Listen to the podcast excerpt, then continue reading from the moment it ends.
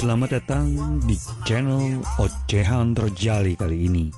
Kita akan berbicara dengan banyak hal, hal-hal keseharian, pekerjaan, kebencian, kemarahan, cinta, semuanya diobok-obok di sini. Yuk, selamat bergabung semua. Halo, ketemu lagi dengan Rojali kali ini. Jadi, gue mau cerita tentang uh, karyawan ya jadi di tempat gua ada seseorang yang di PHK. Eh, di PHK bukan karena COVID-nya juga sih. Ada hubungannya dengan situ, tapi juga karena kesalahannya yang berulang-ulang yang yang mungkin menurut dia bahwa dia adalah pembela kebenaran dan dia bekerja menurut undang-undang. Jadi ketika kemudian terjadi proses PHK, terjadi terdapat salah, terdapat perselisihan dengan e, jumlah pesangon yang diberikan dan juga dia beranggapan bahwa dia tidak merasa bersalah dan sebagainya. Dan parahnya ini anak perempuan. Jadi emang nyebelin banget gitu. Bukan gue mau bergibah, tapi sambil baca-baca gue ternyata mendapatkan satu sedikit artikel yang cukup lumayan menarik gitu ya. Jadi ada beberapa kebiasaan yang dilakukan karyawan di tempat kerja yang ternyata dibenci oleh atasan. Supaya karir seorang karyawan tetap berjalan baik, cobalah mengetahui dahulu beberapa kebiasaan yang tidak disukai oleh seorang atasan sebagai berikut. Nomor satu, datang terlambat. Kemacetan di kota besar Apalagi saat-saat jam sibuk seperti itu ya, sepertinya sudah menjadi hal umum. Namun bukan berarti karyawan bisa terus-terus menggunakannya sebagai alasan. Seharusnya sudah diperkirakan waktu perjalanan dari rumah ke kantor agar tidak sering datang terlambat. Masalahnya nih anak yang gue bilang tadi itu, sebut aja namanya lampir.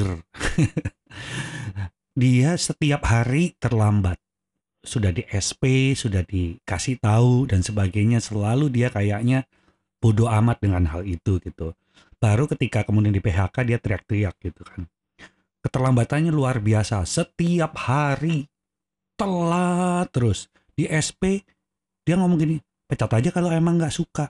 Nah, begitu dipecat beneran, kelabakan dia gitu kan. Jadi keterlambatan itu bukan sesuatu hal yang biasa-biasa aja menurut gua sih jadi, kalau pengen lihat orang itu penuh komitmen terhadap apa yang dilakukan itu berarti dia punya komitmen terhadap waktu itu sendiri.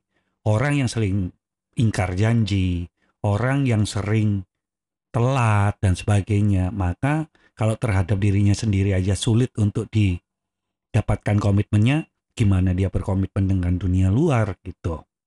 Yang kedua, kurang inisiatif. Maksudnya gimana sih? Jadi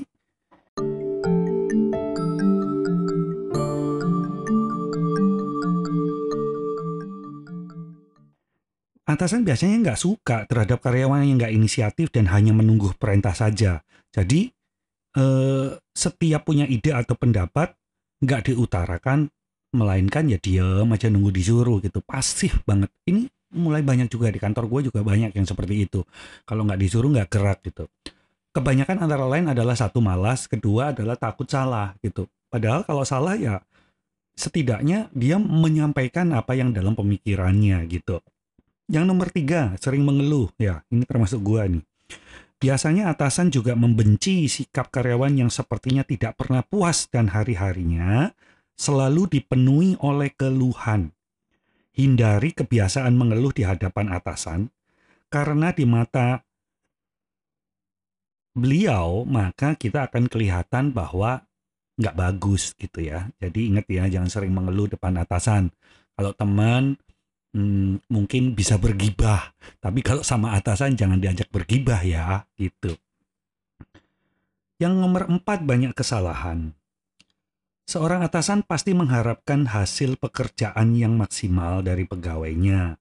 Terlalu sering melakukan kesalahan dan tidak bisa belajar dari kesalahan terdahulu, sudah pasti dong akan membuat atasan gak suka sama kita Selalu lakukan cek dan recheck saat mengerjakan sebuah pekerjaan dengan baik.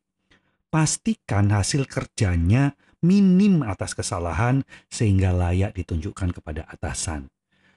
Nah, ini penting, kesalahan ini bisa karena ketidaktelitian, bisa atas kelalaian, atau kurangnya proaktif untuk melihat data-data yang berbeda dan koordinasi dengan bagian-bagian atau divisi lain yang berkaitan dengan pelaporan itu.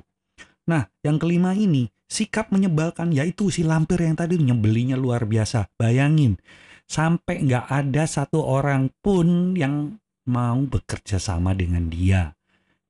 Hal ini dikarenakan sifatnya yang bosi, sombong, pelit, dan maunya menang sendiri. Padahal jabatannya apa, tapi tingkahnya udah kayak yang punya gitu. Kalau WA seseorang nagih pekerjaan atau misalnya minta tolong itu nggak sopan banget gitu. Selalu lokatnya atau kebiasaannya adalah nyuruh. Padahal semua juga tahu siapa atasan sebetulnya dan dia apa gitu ya. Ada beberapa sikap yang dianggap menyebalkan bagi atasan, di antaranya sikap sinis.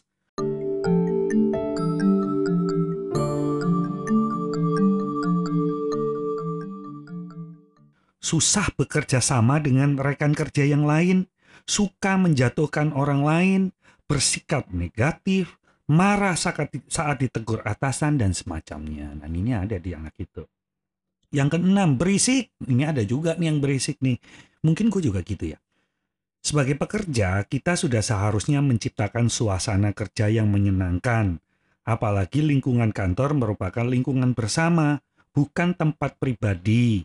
Jadi hindari memasang musik yang kencang atau ngobrol keras-keras di telepon. Lah ini betul. Sering ditegur karena dia nyetel musik sukanya tuh kencang-kencang. Nah, ini mengakibatkan juga orang lain juga sebel sama dia, kesel gitu, berisik gitu ya. Yang ketujuh, manajemen waktu tidak teratur.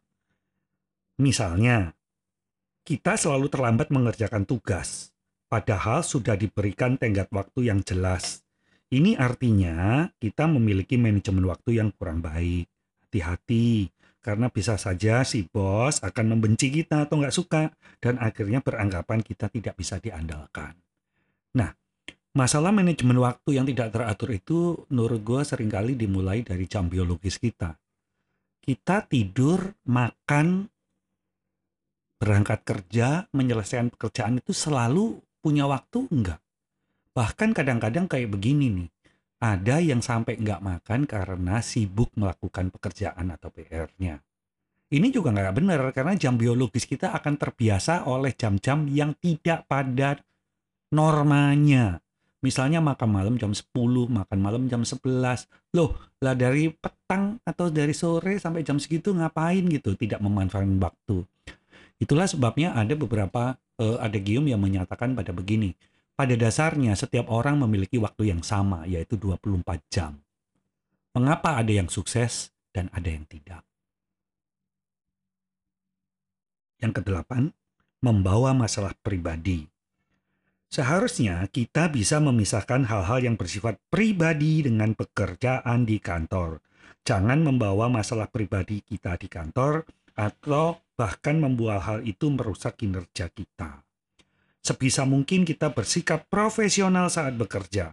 Apabila ada masa pribadi yang demikian besar, lebih baik minta izin untuk menyelesaikannya terlebih dahulu ketimbang membawa drama kehidupan kita ke kantor.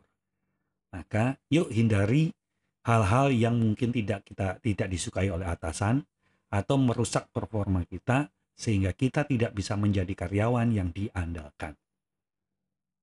Sampai ketemu lagi Salam Rojali.